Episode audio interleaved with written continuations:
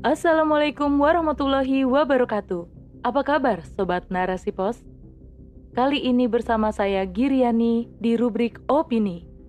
Narasipos.com Cerdas dalam literasi media, bijak menangkap peristiwa kunci.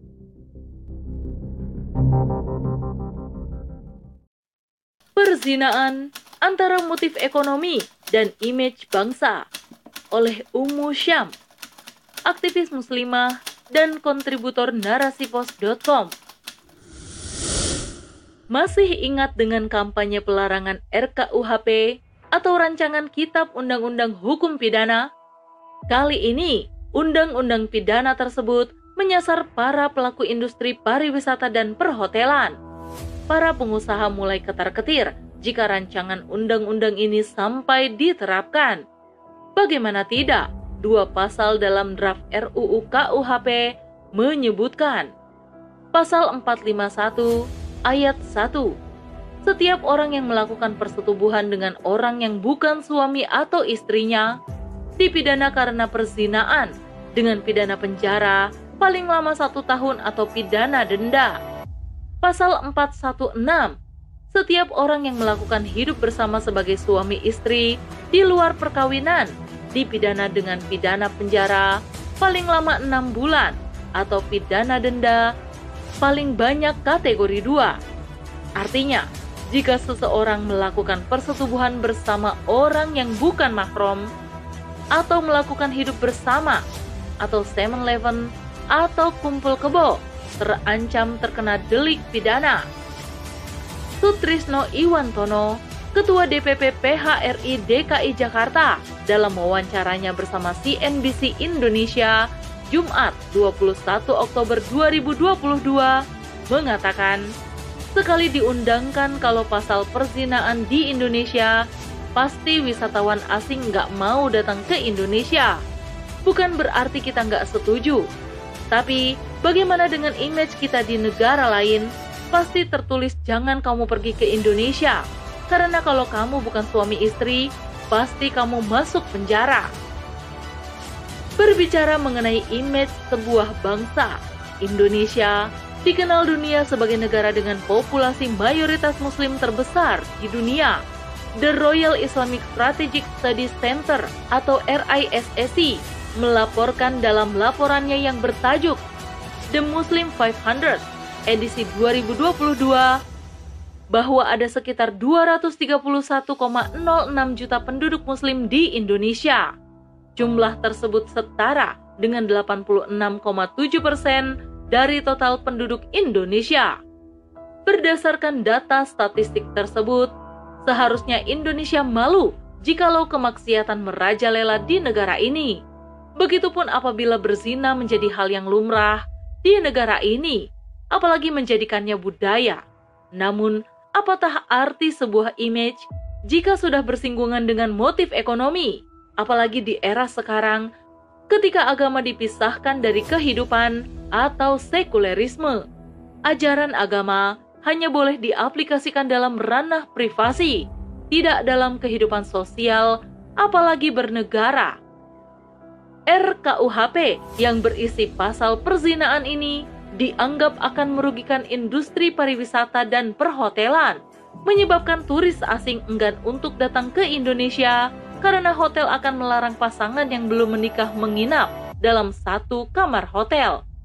Begitupun dengan pariwisata, di mana sektor pariwisata memiliki peranan penting dalam mendorong pertumbuhan ekonomi nasional, khususnya dalam mengurangi pengangguran.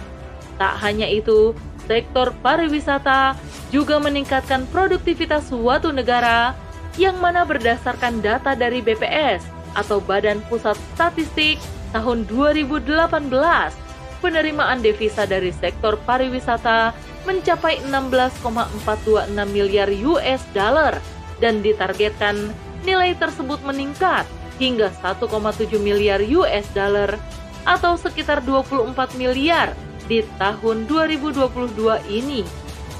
Bisa dibayangkan berapa banyak orang yang menganggur jika RKUHP pasal perzinaan ini diterapkan belum lagi target penerimaan devisa akan gagal dicapai. Pertanyaannya, Mampukah pemerintah berkomitmen untuk menerapkan pasal perzinaan ini di tengah kondisi ekonomi berusaha bangkit pasca pandemi dan di saat pemerintah terus berusaha untuk menekan angka pengangguran? Sudah menjadi rahasia umum jika demokrasi selalu mengedepankan jalan tengah atau kompromi dan mengambil asas manfaat. Maka tak dimungkiri jika ke depannya kemungkinan besar akan ada negosiasi antara penguasa dan pengusaha. Di sisi lain, mengingat hukuman yang ringan, yakni satu tahun atau denda, mampukah pasal-pasal tersebut membuat jerah para pelaku zina? Dan efektifkah undang-undang perzinaan ini diterapkan jika pemicu perzinaan justru tidak diberantas hingga ke akar-akarnya? Bisnis esek-esek masih tumbuh subur di tengah-tengah masyarakat, bak lumut yang tumbuh pada musim hujan, mulai dari aplikasi di smartphone, bisnis pornografi, hingga rumah bordil. Tayangan televisi yang merusak dengan program-programnya, utamanya sinetron. Sinetron menawarkan pemirsanya tidak hanya alur cerita, tapi juga gaya berpakaian yang minim, gaya bertutur, dan gaya berpikir aktor-aktornya karena program ini dilihat berjam-jam setiap hari, maka tak ayal gaya hidup sinetron maya itu kini berubah menjadi dunia realita kehidupan pemuda-pemudi. Tak salah jika George Jepner, pakar komunikasi Amerika Serikat, menyebut televisi sebagai agama masyarakat industri. Maka, jangan heran jika generasi kita terbiasa berpakaian minim, berpacaran, campur baur dengan lawan jenis, bahkan hingga berzina. Inilah kearifan dalam tanda kutip masyarakat pada saat ini. Masyarakat sudah terjajah moral dan peradabannya. Gaya hidup barat yang hedonis, permisif, dan materialistik menjadi kiblat masyarakat dalam berpikir dan berperilaku. Kearifan masyarakat yang murtad atau barat ini dikatakan oleh seorang tokoh Islam, Muhammad Iqbal, sebagai suatu kebohongan dan tipu muslihat serta perusak jiwa dan penegak tubuh. Karenanya, Rasulullah Shallallahu Alaihi Wasallam jauh-jauh hari menasihati kita. Tidak akan datang hari kiamat sehingga umatku mengikuti pola hidup generasi-generasi terdahulu sejengkal demi sejengkal dan sehasta demi sehasta. Ditanyakan kepada beliau, wahai Rasulullah, seperti orang Persia dan Rum, Beliau menjawab, siapa lagi kalau bukan mereka? Hadis riwayat Muslim. Dalam redaksi hadis lainnya yang hampir senada, Wahai Rasulullah, apakah orang-orang Yahudi dan Nasrani? Beliau menjawab, siapa lagi? Rasulullah Shallallahu Alaihi Wasallam pernah memperingatkan umatnya akan dosa zina dalam sabdanya, jika zina dan riba tersebar luas di suatu kampung, maka sungguh mereka telah menghalalkan atas diri mereka sendiri azab Allah. Hadis riwayat Al-Hakim, Al-Baihaqi, dan At-Tabarani. Dan di zaman modern sekarang, di mana gaya hidup liberal menjangkiti berbagai lapisan masyarakat, zina sudah menjadi perbuatan yang lumrah Hal ini dibuktikan berdasarkan data yang sudah dihimpun oleh pemerintah. Dilansir dari Sindo News, Jumat 11 Februari 2022, ada tiga kota di Indonesia dengan jumlah pelajar hamil di luar nikah terbanyak. Di antaranya Tangerang 276 kasus, Yogyakarta 1032 kasus, dan Kabupaten Madiun mengalami kenaikan 100% kasus pernikahan usia dini. Sungguh miris, inilah hasil dari sistem demokrasi. Moral menjadi rusak, ketimpangan sosial terjadi di mana-mana, karena sistem demokrasi telah menawarkan kehidupan yang bebas kepada masyarakatnya. Bebas berperilaku, bebas berpendapat, bebas beragama, dan bebas berkepemilikan. Standar halal haram tidak lagi diindahkan. Semuanya berdasarkan asas manfaat dan kepuasan materi. Melihat dengan jelas di pelupuk mata, kerusakan yang terjadi akibat penerapan sistem buatan manusia ini, maka sudah seyogyanya kita meninggalkan sistem demokrasi dan kembali kepada sistem buatan Allah Subhanahu wa taala, Rabb semesta alam. Tiada lain Islam jawabannya. Agama yang mengatur seluruh aspek kehidupan dari kehidupan pribadi hingga kehidupan bernegara, Islam atur. Tidak ada satu hal pun yang meluput dari peraturan Islam. Fungsi syariat Islam sebagai jawabir atau penebus dosa dan jawazir atau pencegah dosa telah terbukti mampu menekan angka kriminalitas termasuk perbuatan zina. Karenanya terpeliharalah akidah, negara, keamanan, kekayaan, keturunan, kemuliaan, akal, dan nyawa masyarakat. Namun butuh adanya peran institusi negara agar syariat Islam mampu diterapkan secara totalitas institusi negara tersebut adalah khilafah. Dalam mencegah dan memberantas perbuatan zina, negara khilafah melakukan beberapa cara. Pertama, membina iman dan takwa masyarakatnya sehingga masyarakat tidak mudah untuk melakukan dosa. Islam pun mengatur pergaulan antara pria dan wanita, yakni sistem pergaulan. Sistem pergaulan dalam Islam, yaitu naluri seksual pada manusia, adalah semata-mata untuk melestarikan keturunan umat manusia.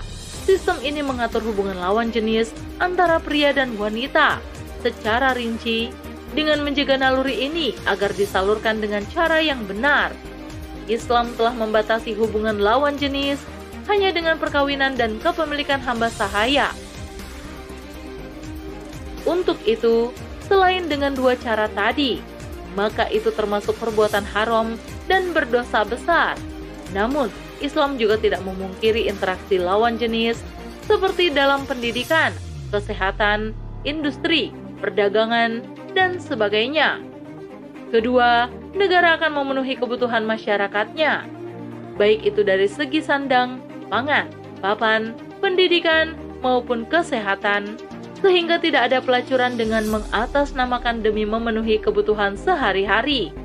Sumber dana untuk memenuhi kebutuhan masyarakat didapatkan dari pengaturan kekayaan yang dibagi menjadi tiga, yaitu kekayaan individu, kekayaan umum, dan kekayaan negara, sehingga menutup celah korporasi untuk menguasai kekayaan umum.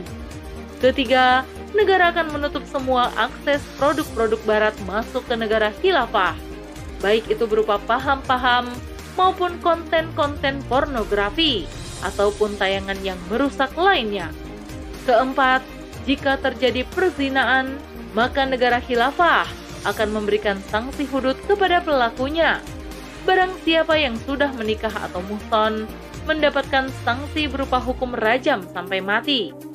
Jika pezina belum menikah atau ghairu muhson, mendapatkan sanksi 100 kali cambuk dan diasingkan ke suatu wilayah.